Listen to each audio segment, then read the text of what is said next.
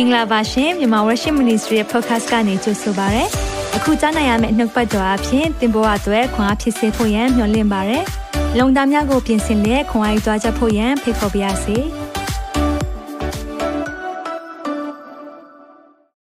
Shalom Church ရောက်စီတိုင်းကိုယေရှုနာမ၌ကြိုဆိုပါရစေ။အခုကတော့ကျွန်တော်ထာဝရအမြင် Eternal Perspective ဆိုတဲ့အကြောင်းအရာကိုပြောနေတာဖြစ်တယ်။ဒီနေ့ဒုတိယပိုင်း ရောက်လာပါပြီဒီနေ့ပြောမယ့်အရာသိရေးကြည့်ပါတယ်တည်မြဲသောအောင်မြင်ခြင်းဆိုတော့ကျွန်တော်မိကွန်းလေးတွေမေးချင်တာပေါ့နော်အောင်မြင်ခြင်းကိုဘယ်လိုသတ်မှတ်လဲအောင်မြင်တယ်ဆိုတာဘာလဲဘာကိုပြောတာလဲဘာစံနှုန်းနဲ့သတ်မှတ်တယ်လဲအဲ့ဒါလေးကိုကျေးဇူးပြုရ comment ရေးပေးပါနော်ဆိုတော့ကျွန်တော်တို့ဒီနေ့မှလည်းနှုတ်ပတ်တော်ကိုခံယူသွားရအောင်မခံယူခင်မှာဝန်ခံနေကြနှုတ်ပတ်တော်လေးကျွန်တော်ဝန်ခံရအောင်ဒီကွာဝန်ခံရအောင်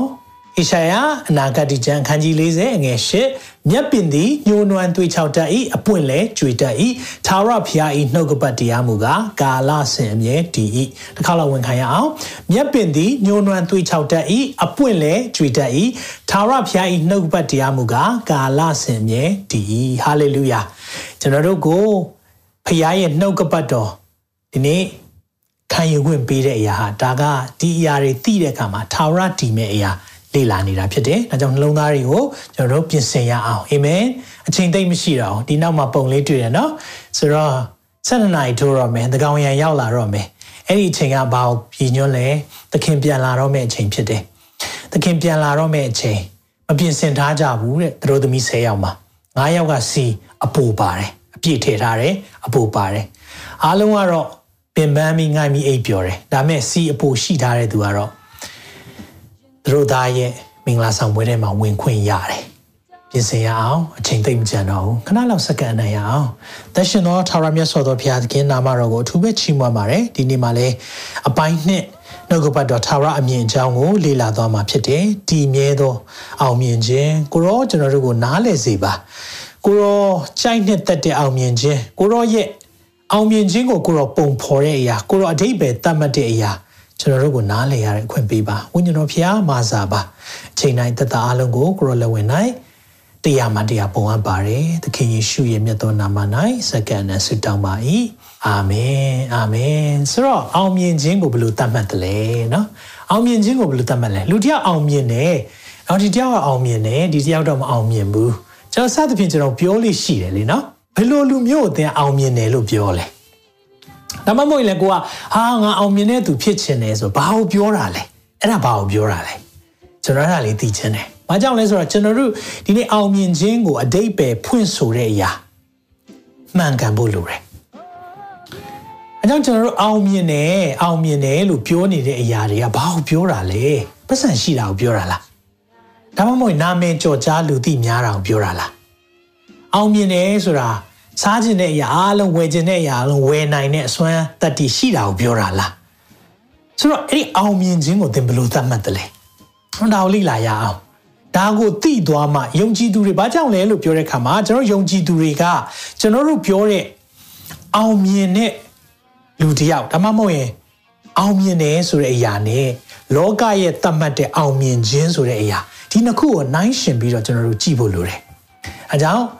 ဒီနေ့အများအဖြစ်တော့လောကမှာအောင်မြင်ခြင်းလိုချင်တယ်မှန်တယ်ဒါပေမဲ့ဘာကိုပြောတာလဲအောင်မြင်တယ်ဆိုတာဆိုတော့တခုခုလုပ်တယ်အဒီသူကအောင်မြင်တဲ့သူပဲ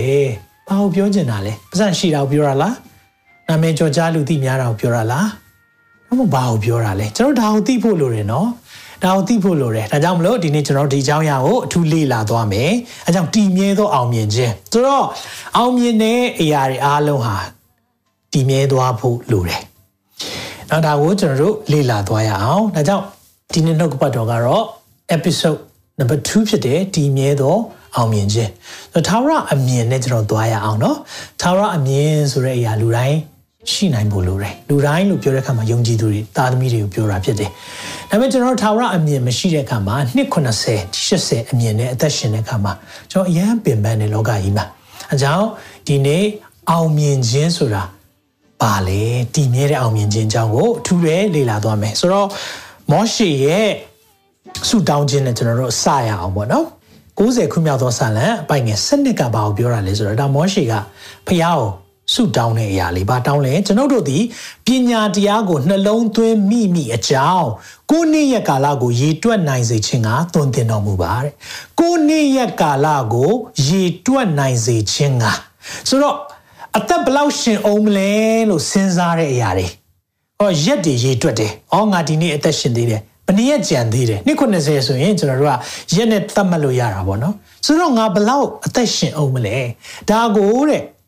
နှလုံးသွင်းတဲ့သူဆိုတာဒါကိုအမြဲတမ်းဆင်ခြင်တဲ့သူဟာပညာတရားရှိတယ်ပညာရှိပညာရှိရကိုဘလောက်အသက်ရှင်အောင်မလဲ။အဲ့ဒီအသက်ရှင်ခြင်းမှာလူတွေအတွက်အကျိုးရှိမလား။ဖခင်အတွက်အကျိုးရှိမလား။ဒါကိုစဉ်းစားတဲ့သူ ဖြစ်ချင်တယ်လို့မောရှေကဆုတောင်းတာကျွန်ုပ်တို့သည်ပညာတရားကိုနှလုံးသွင်းမိမိအကြောင်းကိုးနေ့ရက်ကာလကိုရည်တွက်နိုင်စေခြင်းကသွန်သင်ပါတဲ့သွန်သင်ပေးပါကိုတော့သင်ပေးပါအောင်ဘာလို့လဲဆိုတော့ကျွန်တော်တို့ကဟိုတိတ်မစင်စားဘူးလေနော်ဆိုတော့အာဒီတယောက်ရဲ့အလားလာရှိတယ်အေးမင်းတို့ငယ်သေးတယ်စူးစမ်းကြကွာအဲကျွန်တော်တို့ပြောခံရတာပေါ့နော်တခါလေငယ်သေးတယ်ငယ်သေးတယ်မင်းတို့အများကြီးအလားလာရှိသေးတယ်ဒါပေမဲ့အဲ့ငယ်သေးတဲ့လူကတည်တတ်လား တည်တတ်တယ်အဲကြောင့်ကျွန်တော်တို့ကအသက်ကြီးသွားလူတိုင်းက80ရောက်မှသေတာအဲ့လိုမဟုတ်ဘူးဒီညလည်းသေသွားနိုင်တယ်မနေ့ပြင်လည်းသေနိုင်တယ်ခုကျွန်တော်ပြောနေရင်တန်လန်းလည်းသေသွားနိုင်တယ်ဒီလိုအခြေအနေတွေဖြစ်တဲ့ချိန်မှာကိုနေ့ရက်ကာလကိုတွန့်တင်ပါဆိုတာကိုဘလောက်အသက်ရှင်အောင်မလဲအမြဲတမ်းဆင်ခြင်ဖို့လိုတယ်အဲကြောင့်ကျွန်တော်တို့ကဒီရဲ့မောရှေရဲ့ဆုတောင်းချက်ကိုအမြဲတမ်းတော့ဒါလူတိုင်းကတောင်းတင်တဲ့ချက်ဖြစ်တယ်။ဒါရကာလအမြင်ရှိတဲ့သူကအဲ့ဒီဆုတောင်းချက်ကနေ့တိုင်း ကိုဆင်ခြင်ရမယ့်အရာဖြစ်တယ်။ဆိုတော့ကျွန်တော်တို့ဒီအကြောင်းအရာတွေကိုလေ့လာလာတဲ့အခါမှာမိခွန်းကနော်အောင်မြင်ခြင်းလို့ပြောတဲ့အခါမှာတချို့ဖြေတဲ့အရာလေးတွေအာနော်ခရစ်တော်နဲ့အတူရှိခြင်းကအောင်မြင်ခြင်းဖြစ်တယ်တဲ့နော်တချို့ပြောတယ်တချို့ကတော့သာရအမြင်နဲ့အသက်ရှင်ခြင်းပေါ့နော်တချို့ကြတော့နှုတ်ကပတ်တော်မသိခင်တော့ကတော့ပတ်စံရှင်အောင်မြင်တယ်လို့ပြောတယ်တဲ့နော်ဖះကိုယုံကြည်တာဖះစကားနားထောင်ဝန်ခံလိုက်လျှောက်တယ်အောင်မြင်တယ်တဲ့ဟုတ်ပြီဆိုတော့အောင်မြင်ခြင်းကိုကျွန်တော်အတိတ်ပဲတွေ ဖွင့်ဆိုတဲ့အခါမှာဒီလိုပြောလာကြတယ်ဆိုတော့ကျွန်တော်နောက်မေးခွန်းတစ်ခုကနော်ဒီနေ့မေးခွန်းလေးနည်းနည်းများမယ်နော်စဉ်းစားစီခြင်းလို့ဆိုတော့ဘုရားသခင်ကတင့်ကိုအောင်မြင်စေခြင်းသလားဒါမှမဟုတ်ရင် तू ကမြဲတမ်းစဉ်းစားနေဒီကောင်းနေအောင်မြင်လို့မဖြစ်ဘူးအောင်မြင်သွားရင်အောက်ခြေလွတ်သွားမယ်ဒါကြောင့်မလို့သူတို့ဒုက္ခရအောင်လှုပ်လိုက်အောင်အဲ့လိုမျိုး तू စောင့်ကြည့်နေတဲ့ဖရားလားတော့ကျွန်တော်တို့ဖရားကကျွန်တော်တို့ကိုအောင်မြင်စေခြင်းသလားဆိုတဲ့မေးခွန်းလေးရှိတယ်အဖြေကတော့ yes of course ဖះကျွန်တော်တို့ကိုအောင်မြင်စေခြင်းတယ်ဘယ်လိုပြောထားလဲအမှကျမ်းစာထဲမှာဆိုရင်ကပ္ပဦးကျမ်း15ကလေးကနော်ကျွန်တော်တို့ကပ္ပဦးကျမ်းကလေးမှာဗာတွေ့ရလဲဆိုတော့အာဗြန်နော်အာဗြန်အာဗြဟံနောက်မဖြစ်သေးအာဗြန်အာဗြန်နဲ့တွေ့တဲ့အခါမှာဗာပြောလဲဆိုတော့မစိုးရိမ်နဲ့တဲ့နော်ဖះရဲ့နှုတ်ဘတ်တော်အာဗြန်စီရောက်လာတဲ့အခါမှာငါဒီသင်အကွယ်က I am your shield ကာကွယ်ပေးတဲ့သူ I am your reward သင်ဤအကျိုး သင်ရဲ့အကျိုးငါက I'm your great reward လို့ဘုရားပြောတယ်ဆိုတော့အကျိုးအရန်ကြီးတယ်တဲ့အာဗြဟံဘာမှမစိုးရိမ်နဲ့ငါကမင်းကိုကာကွယ်ပေးမယ်နောက်ပြီးငါကမင်းရဲ့အကျိုးကြီးမားတဲ့အကျိုးနော် reward ဆိုတာဆုလပ်ဖြစ်တယ်တဲ့အဲ့လိုပြောတယ်ဆိုတော့ဘုရားကျွန်တော်တို့အောင်မြင်စေချင်လားအောင်မြင်စေချင်တာပေါ့ဆိုတော့အောင်မြင်စေချင်လို့လို့ကျမ်းစာထဲမှာမကြာခဏကိုပြောတယ်ယောရှုမတ်စာထဲမှာလည်းအခန်းကြီး1ငယ်8မှာဆိုရင်ဗာပြောလဲ ပညာတိကျမ်းစာ၌ရေးထားသမျှတို့ကိုကြင့်မိဟုစောင့်ရှောက်ခြင်းအလို့ငါကျမ်းစာကိုမဖတ်မရွတ်ပဲမနေနေညမပြတ်ကြည့်ရှုဖတ်ရမည်တို့ပြုလင်တင်သည်အကြံထမြောက်၍ဘာဖြစ်မယ်အောင်မြင်လိမ့်မည်ဆိုတော့ဘုရားရဲ့နှုတ်တော်ထွက်စကားတွေအတိုင်းလေ့လာပြီးတော့ကြင့်ကြံတဲ့သူเนาะတရားနာတဲ့သူမဟုတ်ဘူးတရားကျင့်တဲ့သူတွေကိုဘုရားကအကြံထမြောက်ပြီးအောင်မြင်မယ်အောင်မြင်စေခြင်းနဲ့ခဏခဏပြောတယ်နောက်တစ်ခုပြောပြန်ရောတရားဟောတာကျန်တာမောရှေက second law လို့ခေါ်တာပေါ့နော် ခါနန်ပြီးဝင်တော့မဲ့နောက်မျိုးဆက်တစ်တွေလူငယ်တွေကိုမှားတဲ့အချိန်မှာရေးတာတရားဟောကျမ်း30အငယ်ကိုတင်သည်တင်ဖျားခင်ထာဝရဘုရားစကားတော်ကိုနားထောင်၍ဖျားစကားနားထောင်ခြင်းကိုအမြဲပြောတယ်နော်ပညာတိကျမ်းစာ၌ရေးထားသောစီရင်ထုံးဖွဲ့ချက်တို့ကိုစောင့်ရှောက်လင်၎င်းတင်ဖျားခင်ထာဝရဘုရားထံသို့စိတ်နှလုံးအကျွင့်မဲ့ပြန်လာလင်၎င်းနောင်တရခြင်းနော်ပြင်တင်ပြုလျက်၌အောင်မီအကြောင်းနဲ့တင်ဤသားသမီးတရိษံအသီးနှံတိုးပွားများပြားမိအကြောင်းကိုစီရင်၍ တင့်အကျိုးကိုပြုစုတော်မူလိမ့်မည်တင့်အကျိုးကိုပြုစုမယ်တဲ့ဒါလားဖခင်ကကျွန်တော်တို့ကိုအောင်မြင်စေခြင်းနဲ့ဆိုတာကိုကျမ်းစာထဲမှာမကြာခဏတွေ့ရတယ်ထာဝရဘုရားသည်တင်းဘိုးဘေးတို့၌အားရဝမ်းမြောက်တဲ့ကဲ့သို့တင်၌အာရဝမ်းမြောက်၍တင့်အကျိုးကိုပြုစုတင့်အကျိုးကိုပြုစုတင့်အကျိုးကိုပြုစုတယ်ကျမ်းစာထဲမှာမကြာခဏကျွန်တော်တို့ကိုပြောထားတယ်ဆိုတော့ဘုရားကအောင်မြင်စေခြင်းလားဆိုရင် yes အောင်မြင်စေခြင်းတယ် နော်ဆိုတော့အောင်မြင်ခြင်းလို့ပြောတဲ့အခါမှာကျွန်တော်အဲဒါကြောင့်မလို့ဘယ်လိုမျိုးပုံစံနဲ့အောင်မြင်စေခြင်းတာလဲနော်ဘုရားကကျွန်တော်တို့ကိုအောင်မြင်စေခြင်းတဲ့သူတွေနော်အောင်မြင်တယ်ဆိုတော့အောင်မြင်ခြင်းဘယ်လိုတိုင်းတာမလဲနော်ဒါလည်းစဉ်းစားစရာဖြစ်လာတယ်ဟုတ်ပြီဖះကတော့အောင်မြင်စေခြင်းတယ်ဒါပေမဲ့လူတွေကဘယ်လိုတိုင်းလဲနော်ဥပမာစီးပွားရေးသမားတယောက်ဆိုဘယ်လိုတိုင်းလဲဝင်ငွေထွက်ငွေကောင်းတာလုပ်ငန်းကျေပြတ်တာအဲ့လိုတိုင်းလားဒီကုမ္ပဏီက သူရဲ့တန်ဖိုးပေါ့နော် Apple company ဆိုဘယ်လောက်တန်ဖိုးရှိတယ်နော် Tesla ဆိုရင်ဘယ်လောက်တန်ဖိုးရှိအဲ့လိုတိုင်းတာလားနော်အောင်မြင်တယ် Elon Musk တို့ဆိုတော့ဘာကိုတိုင်းတာလဲဒါမှမဟုတ်ရင်အမှုပညာသည်သချင်းဆိုတဲ့သူတွေဆိုတော့ဆိုပါစို့ album ဘယ်လောက်ရောင်းရလဲနဲ့တိုင်းတာလားဒါမှမဟုတ်ရင်တချင်းအပုတ်ကြီးအများကြီးရေးနိုင်တာနဲ့တိုင်းတာလား ဒါမှမဟုတ်ရုပ်ရှင်တရုပ်ဆောင်ဆိုရင်ရုပ်ရှင်တွေကားတွေအများကြီးရိုက်တာလားဒါမှမဟုတ်အော်စကာဘယ်နှခုရတာလဲအဲ့ဒါနဲ့တိုင်းတာတာလားအဲဆိုအော်စကာမရတဲ့သူတွေကမအောင်မြင်ဘူးလားစဉ်းစားစရာလေးဖြစ်လာရနော်မှုတော်ဆောင်ဆိုပါစို့ဆိုမှုတော်ဆောင်တရားအောင်မြင်တယ်ဆိုဘယ်လိုသတ်မှတ်လဲကျွန်တော်ကရန်သိကျင်တယ်မှုတော်ဆောင်တရားအောင်မြင်တယ်ဆိုတာသူ့ကိုလူကြည့်များတာလားသူကဘာပတ်နိုင်တာလားဘာနဲ့တိုင်းတာတာလဲဒါလေးတွေစဉ်းစားသွားဖို့လိုတယ်နော် ဘာကြောင့်လဲဆိုတော့အဲ့လိုမစဉ်းစားဘူးဆိုရင်ကျွန်တော်တို့အောင်မြင်ခြင်းကိုပုံဖွဲ့တာကလောကရဲ့အောင်မြင်ခြင်းအဓိပ္ပာယ်နဲ့သွားပြီးတော့ကိုက်နေရင်တေဝမ်းနေစရာကြုံရမယ်။ ဘာကြောင့်လဲဆိုတော့ကျွန်တော်တို့လိုချင်တဲ့အောင်မြင်ခြင်းကတည်မြဲသောအောင်မြင်ခြင်းပြောကြည့်ပါတည်မြဲသောအောင်မြင်ခြင်းဒါကြောင့်တည်မြဲသောအောင်မြင်ခြင်းဆိုတာဘာလဲဆိုတာကိုကျွန်တော်ဒီနေ့မှာအချက်၃ချက်နဲ့လေ့လာသွားရအောင်ဆိုတော့တည်မြဲသောအောင်မြင်ခြင်းဆိုတာဘာလဲနံပါတ်၁ကဖယားအမြင်မှာအောင်မြင်သောသူဖြစ်တယ်အာမင်ပြောကြည့်ပါဖယားအမြင်မှာအောင်မြင်သောသူဖြစ်တယ်တည်မြဲအောင်မြင်ခြင်းဆိုတာ အမြဲတမ်းကြာရှည်ခံမယ်အမြဲတမ်းထာဝရကာလအထိရောက်သွားတယ်ဆိုတာဖယားအမြင်မှာအောင်မြင်တာ ਨੇ လူအမြင်မှာအောင်မြင်တာမတူဘူးဒါကြောင့်မလို့ကျွန်တော်တို့တကယ်စစ်မှန်တဲ့အောင်မြင်သူတွေဖြစ်ဖို့ဆိုရင်ဖယားအမြင်မှာသင်အောင်မြင်သလားဆိုတာအရေးကြီးတယ်အဲကြောင့်ကျွန်တော်တို့နော်လူလူရဲ့တတ်မှတ်ချက်စံနှုန်းမှာအောင်မြင်ရင်တော့ထာဝရတည်မြဲမှာမဟုတ်ဘူးဒါပေမဲ့ဖယားတတ်မှတ်တဲ့စံနှုန်း နော်ဖျားဆန်နှုံးနဲ့လူဆန်နှုံးရှိတယ်ဖျားတတ်မှတ်တဲ့ဆန်နှုံးမှာအောင်မြင်တဲ့သူကြတော့ကျွန်တော်တို့အကျိုးရှိလိမ့်မယ်ဒါကိုကျွန်တော်တို့နားလည်ဖို့လိုတယ်အဲကြောင့်မလို့ဘာကြောင့်လဲလို့ပြောတဲ့အခါမှာနှုတ်ပတ်တော်ကပြောလဲဆိုတော့ဟေရှာယ55မှာဘယ်လိုပြောထားလဲငယ်၈မှာ ထာဝရဘုရားမိန်တော်မူဒီကငါ၏အကြံစီသည်သင်တို့၏အကြံစီနဲ့မတူငါ၏အကျင့်သည်လည်းသင်တို့အကျင့်နဲ့မတူမိုးကောင်းကင်သည်မြေကြီးတဲ့တာ၍မြင်တဲ့ကဲ့သို့ငါ၏အကျင့်သည်သင်တို့၏အကျင့်ထက်၎င်းငါ၏အကြံစီသည်သင်တို့၏အကြံစီထက်၎င်းတာ၍မြင့်၏ဒါကြောင့်ဝန်ခံပါအောင်ဖယားအမြင်နဲ့အောင်မြင်တော်သူဖြစ်ခြင်းတယ်လို့ဝန်ခံပါအောင်ဖယားအမြင်နဲ့အောင်မြင်တော်သူဖြစ်ခြင်းတယ် ကျွန်တော်အောင်မြင်ခြင်းဆိုတာဖရားအမြင်နဲ့အောင်မြင်မှသာအောင်မြင်တာနော်လူသတ်မှတ်တဲ့အရာလူဆန်နှုံးသတ်မှတ်တဲ့အရာနဲ့အောင်မြင်တာမဟုတ်ဘူးနော်ဖရားသတ်မှတ်တဲ့အမြင်နဲ့အောင်မြင်တော်သူဖြစ်ဖို့လိုတယ်အမှုတော်ဆောင်နော်အမှုတော်ဆောင်တရားအောင်မြင်တယ်ဆိုတာဘယ်လိုသတ်မှတ်လဲနော်ဆိုတော့ကျွန်တော်တို့အမှုတော်ဆောင်တရားကိုအကြောင်းကျွန်တော်ပြောပြချင်နော်ဒါလေးကိုခက်မှန်းစေချင်တယ်နော်ဒီနေ့မင်းခွန်းများသလိုပဲသူဘာလို့လဲနော်ကျွန်တော်ကျွန်တော်တစ်ချက်ပြောပေးပါဒီတရားဘာလို့လဲ ကျွန်တော်သူ့အကြောင်းလေးကိုနည်းနည်းလေးပုံဖော်ပေးမယ်သူဘသူလဲဆိုတာသင်ပြောပေးပါအောင်နော်သူဘသူလဲသူကအမှုတော်ဆောင်မိသားစုကလာတယ်အိမ်မှာတိတ်မနေဘူးနောက်သူတစ်ပါးဝစ်စားတဲ့ပုံနဲ့လေသူကမဝစ်စားဘူးသူများစားတာလည်းမစားဘူးဒါပေမဲ့ तू ကလူတွေကိုနောင်တတရားအကြောင်းဟောပြောပေးတယ်ဆိုတော့ तू အသက်30ရောက်မှအမှုတော်စဆောင်တယ်ဒါပေမဲ့ तू အမှုတော်ဆောင်တက်တန်းက6လပဲကြာတယ်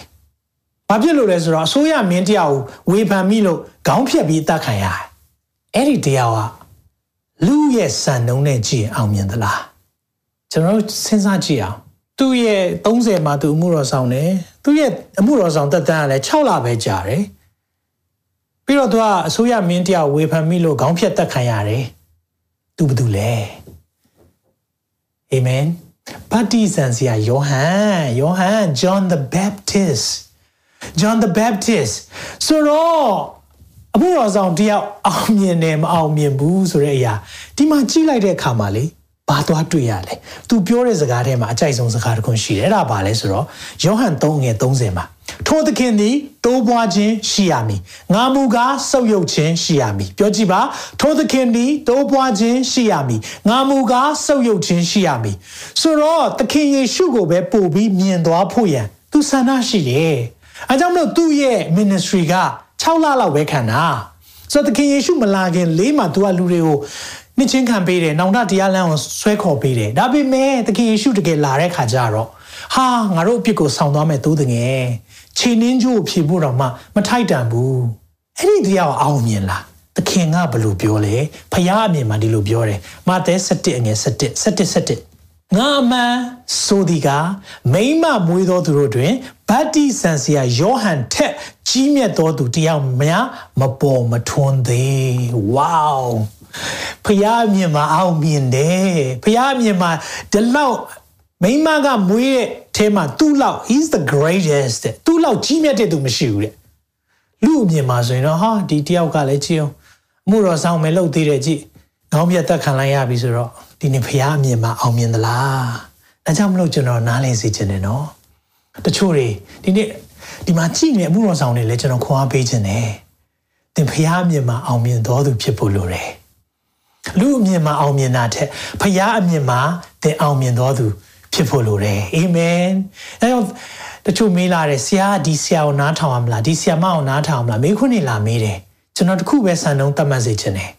ထိုသခင်ကြီးပွားခြင်းရှိပါစေငါဆုပ်ယုပ်ခြင်းရှိပါစေလို့အဲ့လိုအလိုတော်အမြဲဝန်ခံတဲ့မှုတော်ဆောင်နားထောင်ပါဒါကစံနှုန်းတစ်ခုဖြစ်တယ်ဒါမှမဟုတ်ရင်သခင်နဲ့ကြီးမားသလိုလိုဖြစ်လာပြီဆိုရင်တော့ဆင်ခြင်ရမယ့်အရာဖြစ်တယ်။အဲကြောင့်ကျွန်တော်တို့ရဲ့အမှုဆောင်ခြင်းကအမြဲတမ်းသခင်ကိုပဲအမြဲတမ်းဥတည်နေရမှာသခင်ကိုပဲနေရာပေးနေရမှာကျွန်တော်တို့ကနေရာယူနေတယ်ဆိုရင်တော့ဒါမှန်ကန်တဲ့မှုဆောင်ခြင်းလည်းမဟုတ်ဘူး အောင်မြင်တဲ့မှုဆောင်ခြင်းလည်းမဟုတ်ဘူးကဘာဘလောက်ပတ်ပတ်ဒီနေ့ကဘာပတ်ပြီးငရဲရောက်မဲ့သူအများကြီးရှိတယ်ဒီနေ့ကျွန်တော်တို့လူတွေအများကြီးကိုနောက်လိုက်ပြီးတော့ကြာရှုံးသွားတဲ့မှုတော်ဆောင်တွေအများကြီးရှိတယ်အဲကြောင့်ကျွန်တော်တို့တွေစဉ်းစားကြည့်တဲ့အခါမှာဖခင်အမြင်ထဲမှာအောင်မြင်တော်သူဖြစ်ဖို့လိုတယ်အာမင်အဲကြောင့်တစ်ခါလေးမှကျွန်တော်တို့နော် online မှာအာတရားဟောသက်သေခံတဲ့အခါမှာဟာဒီနေ့ဘလောက်ကြည်တယ်ဘလောက်ကြည်တယ်စသဖြင့်ပြောကြတာပေါ့ တကယ်တော့ကျွန်တော်စဉ်းစားကြည့်တဲ့အခါမှာကျွန်တော်မြန်မာအသင်းတော်တွေနော် live လွတ်နဲ့အသင်းတော်တွေများများဆဆမရှိပါဘူး live လွတ်နဲ့မှုတော်ဆောင်တွေကျွန်တော်လက်ချိုးရည်ကြည့်လို့ရပါတယ်ဒါအားလုံးပေါင်းလိုက်ကြည့်အောင်းကနန်းအောင်မရှိဘူးနေ့ကျွန်တော်မြန်မာပြည်မှာမပြောင်းလဲသေးတဲ့သူဘယ်လောက်ရှိလဲတန်း90လောက်ရှိတယ်ကျွန်တော်လုံနိုင်တာဘာမှမရှိသေးဘူးတကယ်တော့ဒါတွေထဲမှာကျွန်တော်တို့ကရှင်ပြိုင်ခြင်းနေတယ်ဆိုတော့ဘာနဲ့တူလဲဆိုတော့ကာတွန်းတစ်ခုတွေ့ဘူးတယ် ရေပွက်လေးတေးသေးလေးအဲ့ထဲမှာငါးလေးနည်းနည်းရှိတဲ့ဟာကိုနှများချင်းနဲ့လူတွေကတန်းစီပြီးအပြည့်များနေကြတယ်တကယ်တော့ငါးများတဲ့နေရာနဲ့ငါးတွေအများကြီးရှိတဲ့နေရာအများကြီးပါဒါပေမဲ့ရှိနေတဲ့နေရာလေးကိုလူနေကြတယ်အဲ့ဒီပုံလေးတွေ့တဲ့အခါမှာအများကြီးဆင်ခြင်မိတယ်ထိုသခင်ကဒူပွားခြင်းရှိပါစေငါမူကဆုပ်ယုပ်ခြင်းရှိပါစေတဲ့ဒီကျွန်တော်တို့လူသိဖို့ထက်သခင်သိတော့အ မှုတော်ဆောင်နေဖြစ်ရအောင်အာမင်အဲ့လိုပြောတဲ့အခါမှာလူတိုင်းဟာအမှုတော်ဆောင်လို့ကျွန်တော်မြင်တွေ့တယ်လူတိုင်းကိုရှိတဲ့နေရာမှာအမှုဆောင်နေရတယ်ကျွန်တော် mission team တွေရှိတယ်ဆူတောင်း team တွေရှိတယ်ရိုးရိုးနော်တာမန်အလုပ်လုပ်နေကြတဲ့သူတွေရှိတယ်ဘယ်နေရာမှာရှိရှိသင်ဟာသခင်ရဲ့အမှုဆောင်ဖြစ်နေတယ်ယေရှုကိုကိုစားပြုတဲ့သူတွေဖြစ်နေတယ်ထိုသခင်ဟာတိုးပွားခြင်းရှိပါစေငါမူကားဆုပ်ယုပ်ခြင်းရှိပါစေဒီအရာမြင်နေဆိုရင်လေ ဘုရားသင်ကိုလေအောင်မြင်တော်သူဖြစ်တတ်မှတ်လိမ့်မယ်ဟာလေလုယာဒါပေမဲ့လူအမြင်နဲ့ဘုရားမြင်နေတော့မတူဘူးဒါကြောင့်မလို့ကျွန်တော်ဒီနေ့တခုဝန်ခံစေခြင်းတယ်လူမသိခြင်းနေပါစေသခင်သိပါတယ်လို့ဟာလေလုယာလူမသိခြင်းနေပါစေသခင်သိပါတယ်ဒီလူသိခြင်းကကျွန်တော်တို့သိကြိုက်တာပေါ့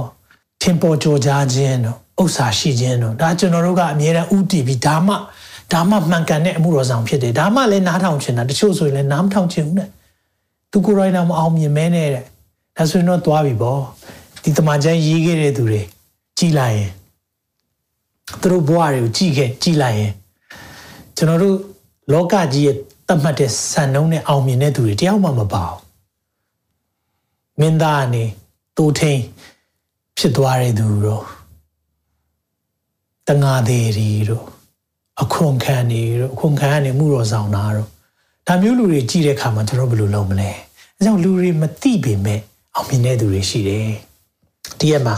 အာဖရိကမှာ missionary သွားပြီးတော့နှစ်ပေါင်းများစွာအလုပ်လုပ်ပြီးတော့ပြန်လာတဲ့ဇနီးမောင်နှံနေရပေါ့ဖြစ်ချင်တော့သူတို့ကအဲ့ဒီသူတို့စီးလာတဲ့တင်မောမှာ American သမ္မတကလည်းပါလာတဲ့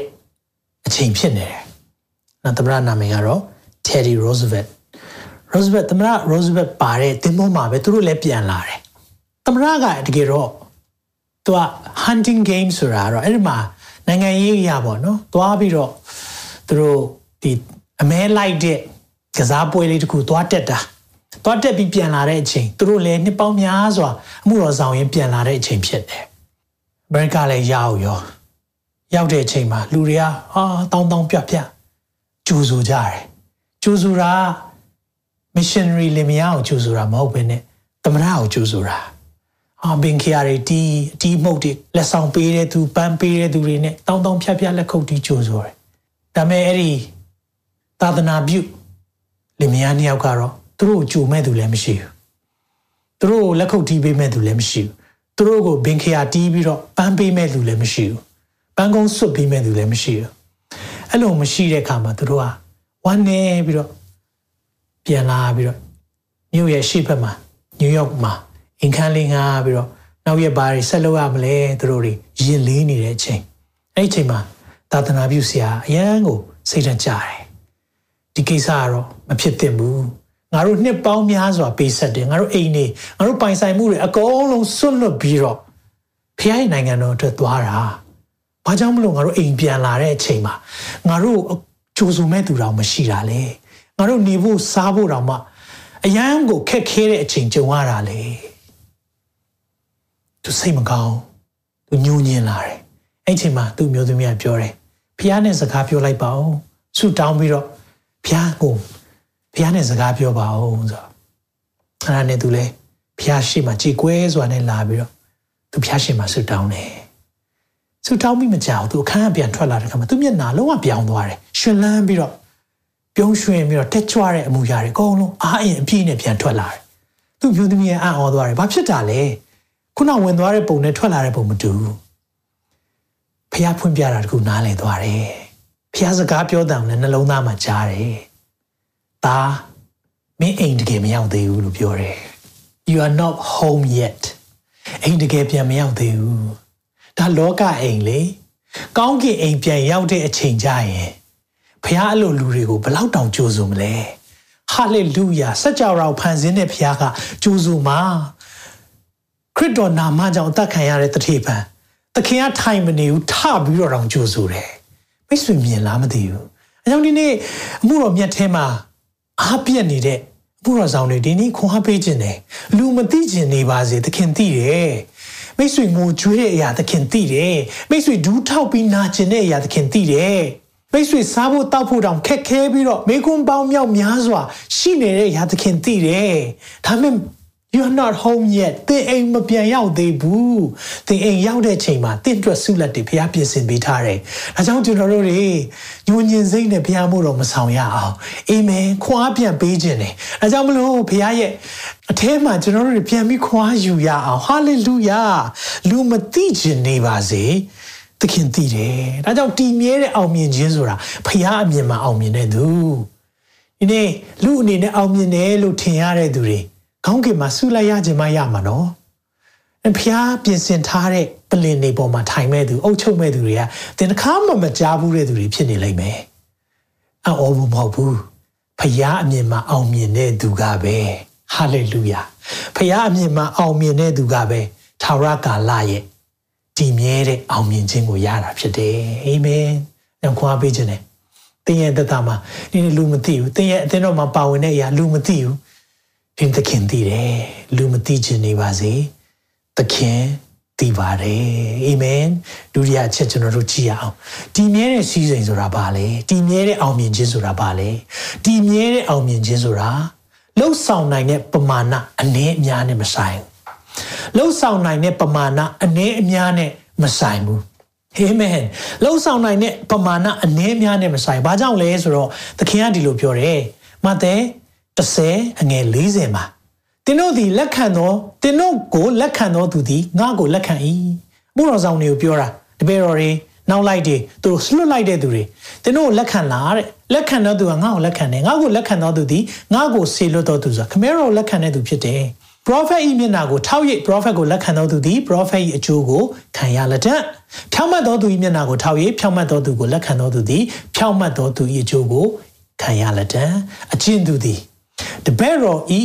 မျက်နာကိုထောက်၍ဤသူငယ်တစုံတစ်ယောက်အားရေတစ်ခွက်ကိုမြပေး၏ရေတစ်ခွက်လို့ပြောကြည့်ပါရေတစ်ခွက်ရေတစ်ခွက်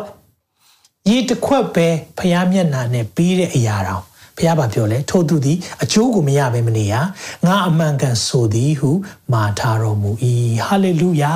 ဒီမြဲတဲ့အောင်မြင်ခြင်းမှာလေအများကြီးလုံးမမဟုတ်ဘူးဒီမြဲတဲ့အောင်မြင်ခြင်းထဲမှာလေနည်းနည်းလေးလှုပ်ရင်တော့နှလုံးသားမှန်ကန်စွာနဲ့ဘုရားမျက်နာကိုထောက်ပြီးလှုပ်တဲ့အရာဘုရားသိမှပြုတယ်ဟာလေလုယာအကြောင်းတချို့တွေပါဝင်ခြင်းနဲ့ဆရာအများကြီးမဟုတ်ဘူး no ဖခင်ရဲ့ နိုင်ငံတော်ထဲမှာရေတစ်ခွက်ပဲဖြစ်ဖြစ်အဲ့ဒီရေတစ်ခွက်အားဖြင့်ပါဝင်ခြင်းဖခင်တိမှတ်တယ်။ဒါကြောင့်တည်မြဲတဲ့အောင်မြင်ခြင်းပါလေ။ဖခင်မျက်နာကိုထောက်ရှုပြီးတော့ပမာဏအနည်းများနဲ့မဆိုင်ဘူး။နည်းနည်းများများအဲ့လိုပြောလို့အများကြီးနည်းကြီးမဟုတ်ဘူး။ကျွန်တော်အများကြီးလုံနိုင်တာဖခင်အဲ့လောက်အများကြီးလုံနိုင်ခွင့်ပေးလို့အများကြီးလုံရတာ။နော်။အဲကြောင့်မလို့ much is giving much is required တဲ့အများကြီးပေးထားတဲ့သူအများကြီးတောင်းတယ်။နောက်ခွက်မတူကြအောင်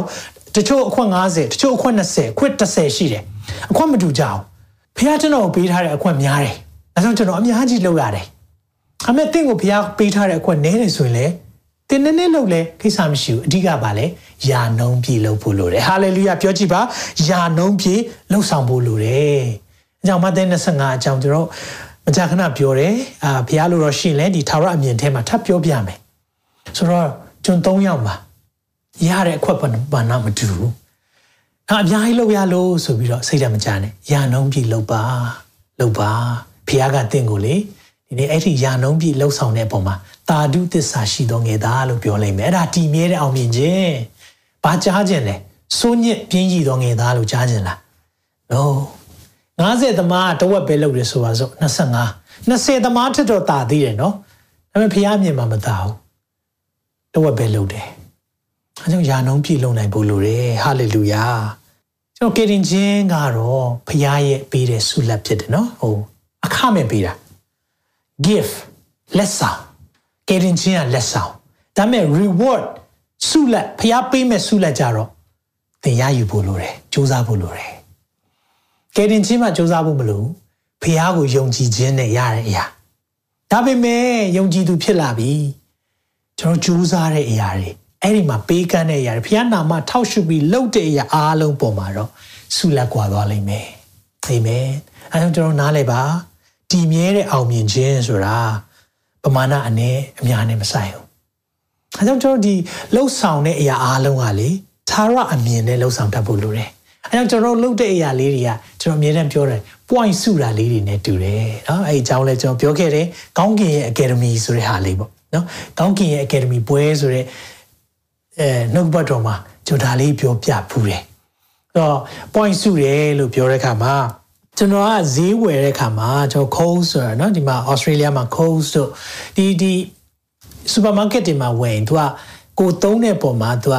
member card လေးလောက်ထားလို့ရတာပေါ့နော် point လေးတွေပေးတယ်ဆိုတော့သူတို့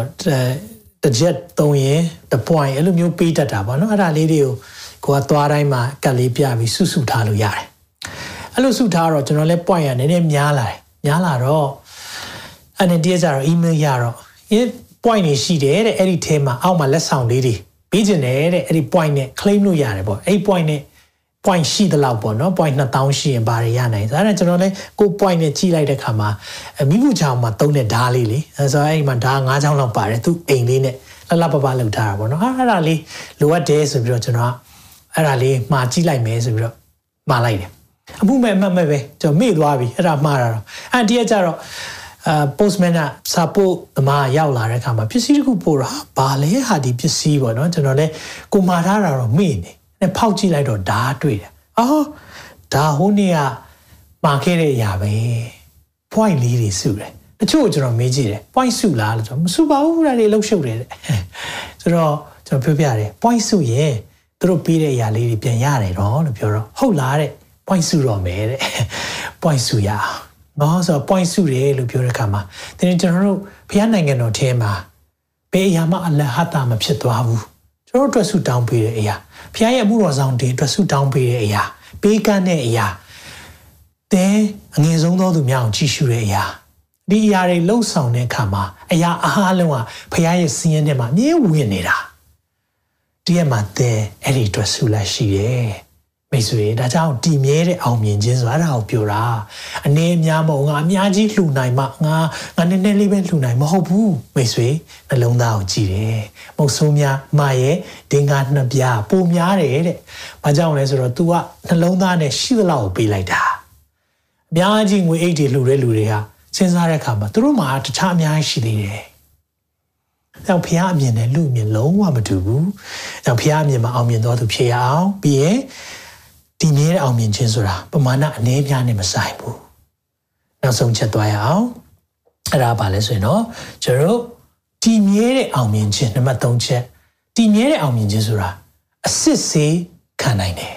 ။အစစ်စေးခံနိုင်တယ်။ဒီမြဲတဲ့အောင်မြင်ခြင်းဆိုတာအစစ်ခံနိုင်ဖို့လိုတယ်။ဒါကိုကျွန်တော်တို့ကြည့်ရအောင်ဒီမြဲတဲ့အောင်မြင်ခြင်းမှာဘာကြောင့် အစစ်ဆေးခံဖို့လိုတာလဲနှုတ်ဘတ်တော်ထဲမှာဒီလိုပြောထားတယ်။တစ်ကော3ငယ်7မှာအကြောင်းမူကားယေရှုခရစ်တည်ဟူသောခြားလျက်ရှိသောတိုက်မြစ်မှာတပါအခြားသောတိုက်မြစ်ကိုအဘယ်သူများမချနိုင်။မှန်တယ်သခင်ယေရှုရဲ့အသက်ပေးခြင်းအသေးခံခြင်းအသွေးသွန်းလောင်းခြင်းကယ်တင်ခြင်းတကားကိုဖွင့်ပေးတဲ့အရာ။ဒါကိုတော့တခြားလူတယောက်မှလုပ်ပေးလို့မရအောင်ဒါတိုက်မြစ်အုတ်မြစ် foundation ချပြီးတာဖြစ်တယ် ဒါဆိုကျွန်တော်တို့အခုဟောပြောနေတာဗာနဲ့တူလဲအဲ့ဒီအပေါ်မှာထပ်ဆင့်လှုပ်ဆောင်တဲ့အရာတွေအငယ်စနစ်ကိုကြည့်ပေးပါထိုတိုက်မြစ်အပေါ်၌ဆိုတော့သခင်ယေရှုရဲ့လှုပ်ဆောင်ပြီးတဲ့အပေါ်မှာကျွန်တော်တို့ပြန်ပြီးလှုပ်ဆောင်တဲ့အရာတွေရွှေငွေ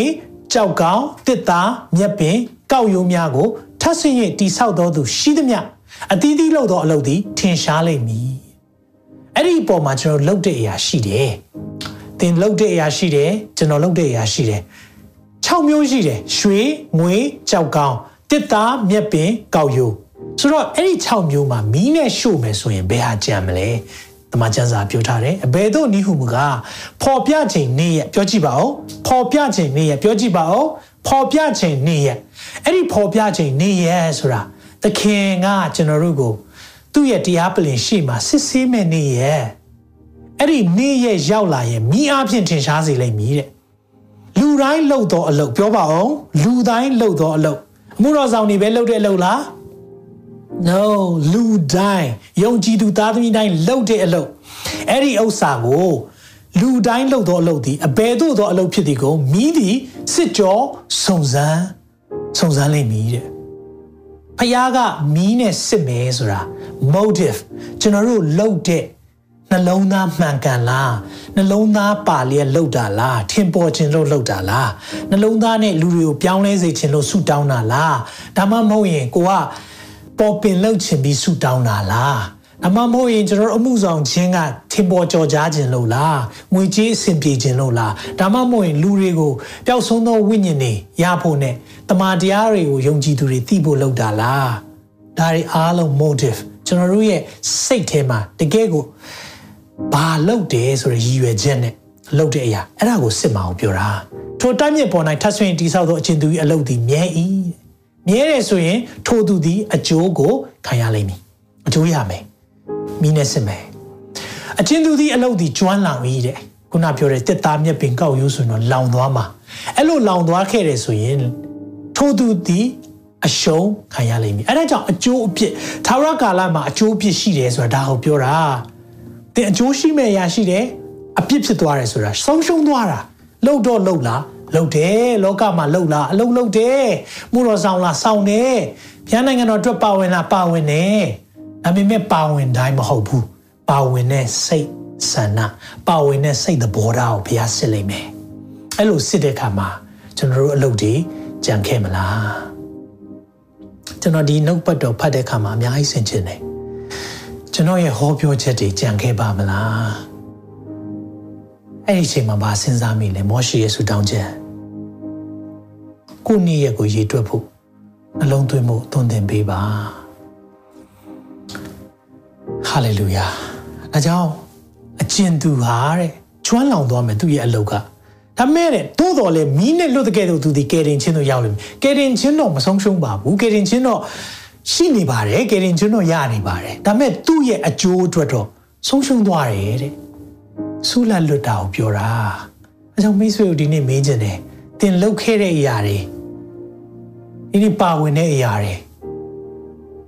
တကယ်စိတ်ရင်းမှန်နဲ့လှုပ်တာလားမေခွန်းမေးပါနော်အာမနာတန်ကိုကိုကိုမေးပါကျွန်တော်လည်းအာမနာတန်ကိုကိုကိုမေးတယ်ကိုလှုပ်တဲ့အရာတွေ ကိုဟောတဲ့အရာတွေကိုပြောတဲ့အရာတကယ်ကိုတကယ်ကိုပြောင်းလဲလူတွေပြောင်းလဲစေခြင်းလို့လှုပ်တာလားဒါမှမဟုတ်ရင်အဲ့ဆရာအရန်နာမည်ကြီးတော့သူနဲ့ယဉ်နှင်းခြင်းလို့လှုပ်လှုပ်တာလားစစ်ဆေးရအောင်နော်ကျွန်တော်တို့ဆရာကြီးတွေလာပြီဆိုရင်ခရုစိတ်တွေလုပ်မယ်ဆိုရမ်းပါဝင်ပေးခြင်းတယ်ဒါပေမဲ့ကိုဘေးမှာရှိတယ်မှုတော်ဆောင်တွေကိုသင်းအောင်တွေရှိတယ်သူတို့အတွက်ကိုသူတို့ထွက်တဲ့ဘာလုပ်လဲ အရင်ရေးကြည့်ရတော့ရန်ရေးကြည့်တယ်ဟာဖခင်ရန်သုံးပြရဲဆိုတော့ဘိတ်သိက်ရအောင်သွားလိုက်အောင်မယ်တွေ့လားဘိတ်သိက်ရအောင်သွားလိုက်အောင်မယ်ရချင်တဲ့စိတ်ပဲရှိတာအဲ့ဒီအလုပ်တွေကုန်ကျွမ်းအောင်မယ် praise and worship leader တွေစင်ပေါ်တက်တယ် slide မီထိုးတာဟုတ်နော်ထိုးတော့လူပေါ်လူလူရှိမှထင်ပေါ်တယ်လေမြင်ရတယ်အချင်းဆိုရယ်နော် ကိုရောရဲ့တကားဆောင်လေးပဲဖြစ်ရပါစေဆိုတော့အော်တကားဆောင်လေးဖြစ်ရပါစေအကြီးကျယ်ချီးမွမ်းနေတော့ဒီဒီတစ်ပတ်တော့အဲ့ဂျိုလုတ်ပေးပါဆိုစိတ်ကမပျော်တော့တကားဆောင်ခိုင်းလိုက်တော့မပျော်တော့တချင်းဆိုတော့ရမ်းဆိုနေအဲ့လိုဖြစ်ဖို့မရအောင်အဲ့လိုဖြစ်လို့မရအောင်အကုန်ကြံကြံခဲ့မဲ့အရာတော့ကျွန်တော်မီးမီးမလောင်မီးမလောင်ပဲကြံခဲ့မှာမီးနဲ့ရှို့လို့ရတယ်ရွှေကို ငွေကိုလည်းမီးနဲ့ရှို့လို့ရကြောက်ကောင်းလည်းမီးနဲ့ရှို့လို့ရဒါပေမဲ့ကြံခဲ့တယ်တက်သားမြက်ပင်ကောက်ယူရတော့မကြံခဲ့ဘူးဟာလေလုယာဒါကြောင့်မလို့ကျွန်တော်တို့ရဲ့သက်တာကိုဆင်ခြင်ရအောင်ဒီနေ့ကျွန်တော်တို့ဆင်ခြင်ရအောင်နောက်တစ်ခုဝန်ခံပေးစေချင်တယ်တရုပ်ဆောင်ကောင်းဖို့တဲ့ လှုပ်ဆောင်မှုကောင်းဖို့လိုတယ်ဟာလေလုယာတရုပ်ဆောင်ကောင်းဖို့တဲ့လှုပ်ဆောင်မှုမှန်ကန်ဖို့လိုတယ်ဒီကျွန်တော်ကောင်းကင်အကယ်ဒမီလို့ပြောတဲ့အခါမှာဆရာတယောက်ဝေဖန်တယ်ကောင်းကင်မှာအကယ်ဒမီမပေးဘူးတဲ့သူကျွန်တော်နှုတ်ဘတ်တော့လုံးဝနားမထောင်ပဲပြောတာတကယ်သာနားထောင်မယ်ဆိုရင်ဒီဒီစကားထွက်လာမှာမဟုတ်ဘူးအဲ့ဒီအဲခေါင်းစဉ်လေးကိုကြည့်ပြီးတော့ဝေဖန်တာကျွန်တော်အထဲမှာအဲ့ဒီအကြောင်းပြောတာမဟုတ်ဘူးအကယ်ဒမီလို့ဟန်ဆောင်ပြီးလုပ်ခိုင်းတာမဟုတ်ဘူး ဒီနေ့တရုပ်ဆောင်ကောင်းဖို့ထက်လှုပ်ဆောင်မှုကောင်းဖို့လိုတယ်လို့ပြောထားတာဒီဝမ်းနေဖို့ကောင်းတယ်ဒီကိုပြေးလမ်းမှာကိုပြေးကြပါကျွန်တော်လည်းကျွန်တော်ကျွန်တော်အစစ်စေးခံမှာစိတ်မပူနဲ့ခင်ဗျားမပူနဲ့ကျွန်တော်လည်းစစ်စေးခံမှာကျွန်တော်လည်းစင်ကျင်တယ်ဒီနှုတ်ပတ်တော်တွေဘယ်လိုထွက်လာမှာလဲထွက်လာတယ်ဆိုတော့ကျွန်တော်သိတယ်ကျွန်တော်တရက်ယေရှုရှေ့မှာရက်ရမှာကျွန်တော်ဘယ်လိုမျက်နှာနဲ့ရက်ရမလဲစဉ်းစားနေတယ်စင်ကျင်နေတယ်အမြဲတမ်းစိတ်မပူနဲ့ခင်ဗျာ ခင်ဗျားတို့ခင်ဗျားစိတ်ပူအကြောင်းဒီနေ့မှာခွန်အားပေးခြင်းတယ်ကျုပ်ဆောင်ကောင်းမှုတဲ့လှုပ်ဆောင်မှုမှန်ဖို့လိုတယ်။အဲစားမရှိလူတိုင်းစစ်ဆေးခံမှာ။အဲကြောင့်ကျွန်တော်တို့ယုံကြည်သူတွေရဲ့တာဝန်ဟာစီရင်ဖို့မဟုတ်ဘူး။သူများကိုလိုက်စီရင်ဖို့မဟုတ်ဘူး။ तू ကတည်းလို့ဟောတယ် तू ကတည်းလို့ပြောတယ်။အကုန်လုံးနိုင်ရှင်လှုပ်ဆောင်တာမလုပ်နဲ့။ဒီဖရားရဲ့အလိုတော်ရှိတဲ့အရာတည်မြဲတဲ့အောင်မြင်ခြင်းဆိုတာသင်နဲ့ပဲဆိုင်တယ်။ အာမင်။ညောင်တရဖူ၅မျိုးအကြောင်းပြောထားဖို့တယ်။နောက်ဒီနေ့လည်းနောက်ပိုင်းကျရင်ပြောပြမယ်။။အဲကြောင့်ကျွန်တော်တို့ရဲ့သက်တာမှာတည်မြဲတဲ့အောင်မြင်ခြင်းဆိုတာပါလေ။ဖခင်အမြင်မှာအောင်မြင်တဲ့သူဖြစ်တယ်နံပါတ်1ချက်။နံပါတ်2ချက်တည်မြဲတဲ့အောင်မြင်ခြင်းဆိုတာလှုပ်ဆောင်မှုပမာဏအနည်းများနဲ့မဆိုင်ဘူး။နောက်တည်မြဲတဲ့အောင်မြင်ခြင်းဆိုတာအစစ်ဆေးခံနိုင်တဲ့အောင်မြင်ခြင်းဖြစ်တယ်။အာမင်။အစစ်ဆေးခံနိုင်ပြီလား။ အာမင်။သခင်ယေရှုကတော့အကုန်သိတယ်။ကျွန်တော်ရဲ့စိတ်နှလုံးသေးထီကိုသိတယ်ဘုရားကအဲကြောင့်ကျွန်တော်တို့ရဲ့လောက်ရတိုင်းဟာပြောတဲ့စကားတိုင်းရေးတဲ့အရာတိုင်းအကုန်လုံးဟာထိုသခင်ကတူပွားခြင်းရှိပါစေငါမူကားဆုပ်ယုပ်ခြင်းရှိပါစေသရှင်တော်ဘုရားနာမတော်ကိုချီးမွမ်းပါတယ်ဒီနေ့နှုတ်ပတ်တော်အဖြစ်ကျွန်တော်တို့ကိုပြန်လည်ပြီး တည်မြဲသောအောင်မြင်ခြင်းအကြောင်းကိုနားလည်စေလို့ယေရှုတင်တယ်ကိုရောတရက်မှာကျွန်တော်တို့စစ်ဆေးခံရမှာဖြစ်တယ်။အဲကြောင့်ကိုတော့ဒီချိန်ကလေးကမောရှိဆူတောင်းတဲ့အတိုင်းပဲကိုနေ့ရက်ကာလကိုရေတွက်နိုင်စေခြင်းကသွန်သင်ပေးပါ။ကိုလှုပ်တဲ့ motive ကိုလှုပ်တဲ့စိတ်နေသဘောထားမှန်ကန်ဖို့ရန်အတွက်လဲတော့သင်သင်ပေးပါကျွန်တော်တို့ကိုနားလည်စေပါကျွန်တော်လှုပ်ဆောင်မှုတွေအားလုံးဟာသခင်ကိုကိုစားပြုတော်သူများပဲဖြစ်စေပါ။ အဲကိုရောအမြင်မှာအောင်မြင်တော်သူဖြစ်ချင်ပါတယ်။ကိုရောအမြင်မှာသာရကာလမှာဆုလက်ရချင်ပါတယ်။ကိုရောအမြင်မှာကျွန်တော်တို့နားလည်ချင်ပါတယ်။အကြောင်းကိုရောဟာလေလုယာကျွန်တော်တို့ကိုသွန်သင်ပါ။ဒီရက်တိုင်းမှာကိုရောရဲ့သွန်သင်ခြင်းခံယူလိုပါတယ်။ရောက်ကိုရောဒီမြဲတဲ့အောင်မြင်တော်သူများဖြစ်ဖို့ရန်ကိုရောမာစားပါ။လူတွေမသိရင်တောင်မှကိုရောသိတယ်ဆိုတာကိုအမြဲတမ်း နှလုံးသွင်းတော်သူများဖြစ်စေပါလူရှိမသွားရချင်နေပါစေကိုရောလူနောက်မှနေရရင်လေကိုရောသိတယ်ဆိုတာကိုနားလည်နိုင်ရတဲ့ခွင့်ပေးပါရောပို့ဆောင်ပါလူတော်ဒီကောင်းကင်ဘုံမှာပြည့်စုံတဲ့ကဲ့သို့မြေကြီးပေါ်မှာပြည့်စုံပါစေနားဆင်တဲ့သူအားလုံးကိုရောဝိညာဉ်တော်အားဖြင့်ဒီနှုတ်ပတ်တော်ကိုအမြင့်ဆွဲစေပါပင်ပေါက်စေပါအသီးသီးစေပါသခင်ယေရှုရဲ့မြတ်တော်နာမ၌စက္ကန့်နဲ့ဆုတောင်းကြပါ၏ပါ အာမင်အာမင်အာမင်အာမင်ဒီဥဆောင်ကောင်းတဲ့သူတွေထက်လှုပ်ဆောင်မှုကောင်းတဲ့သူဘုရားကချီးမြှောက်သွားမယ်ဆုလက်ပေးသွားမယ်ဟာလေလုယာအဲကြောင့်ဆက်လက်ပြီးတော့ဘုရား၌သွားရအောင်အာမင်ကြောင့်မိခွန်းနေရှိရဆိုရင်ပို့ပေးလို့ရတယ်ကျွန်တော်ဆုတောင်းကောင်းချီးပေးခြင်းနဲ့ဆုံးသက်ပါမယ် ထာဝရဘုရားသည်သင်ကိုကောင်းချီးပေး၍ဆောင်မတော်မူပါစေသောထာဝရဘုရားသည်သင်၌မျက်နာတော်အလင်းကိုလွှတ်၍ဂရုဏာကျေးဇူးပြုတော်မူပါစေသောထာဝရဘုရားသည်သင်ကိုမျှော်ကြည့်၍ချမ်းသာပေးတော်မူပါစေသောဖခင်ရဲ့အောင်မြင်ခြင်းနဲ့အောင်မြင်တော်သူများဖြစ်ဖို့ရန်ဝိညာဉ်တော်ဖခင်မာစာကောင်းချီးပေးပါသခင်ရှုနာမ၌ဆုတောင်း၍စကန်နှံကြပါ၏ပါအာမင်အာမင်ရောက်စီတိုင်းအထူးဖခင်ရဲ့ သွန်သင်ခြင်းနဲ့အောင်မြင်တော်သူထက်အောင်မြင်တော်သူများဖြစ်ပါစေလို့ယေရှုနာမ၌ဆုတောင်းပေးပါရယ်နောက်ထုတ်လွှင့်ချက်မှာပြန်လည်ဆုံတွေ့ပါအောင်မယ်တင်ခုလိုနာဆင်ခွန်အားနိုင်ခြင်းဟာမြန်မာ Worship Ministry ကိုလာဆင်ပန်ပိုးနေကြတဲ့ Kingdom Partners များအကြောင်းဖြစ်ပါတယ်။ဖျားခင်နိုင်ငံတော်ကျယ်ပြန့်ရေးအတွက်လာဆင်ပေးကမ်းပောင်းဖို့ရန်ဖိတ်ခေါ်လိုပါတယ်ရှင်။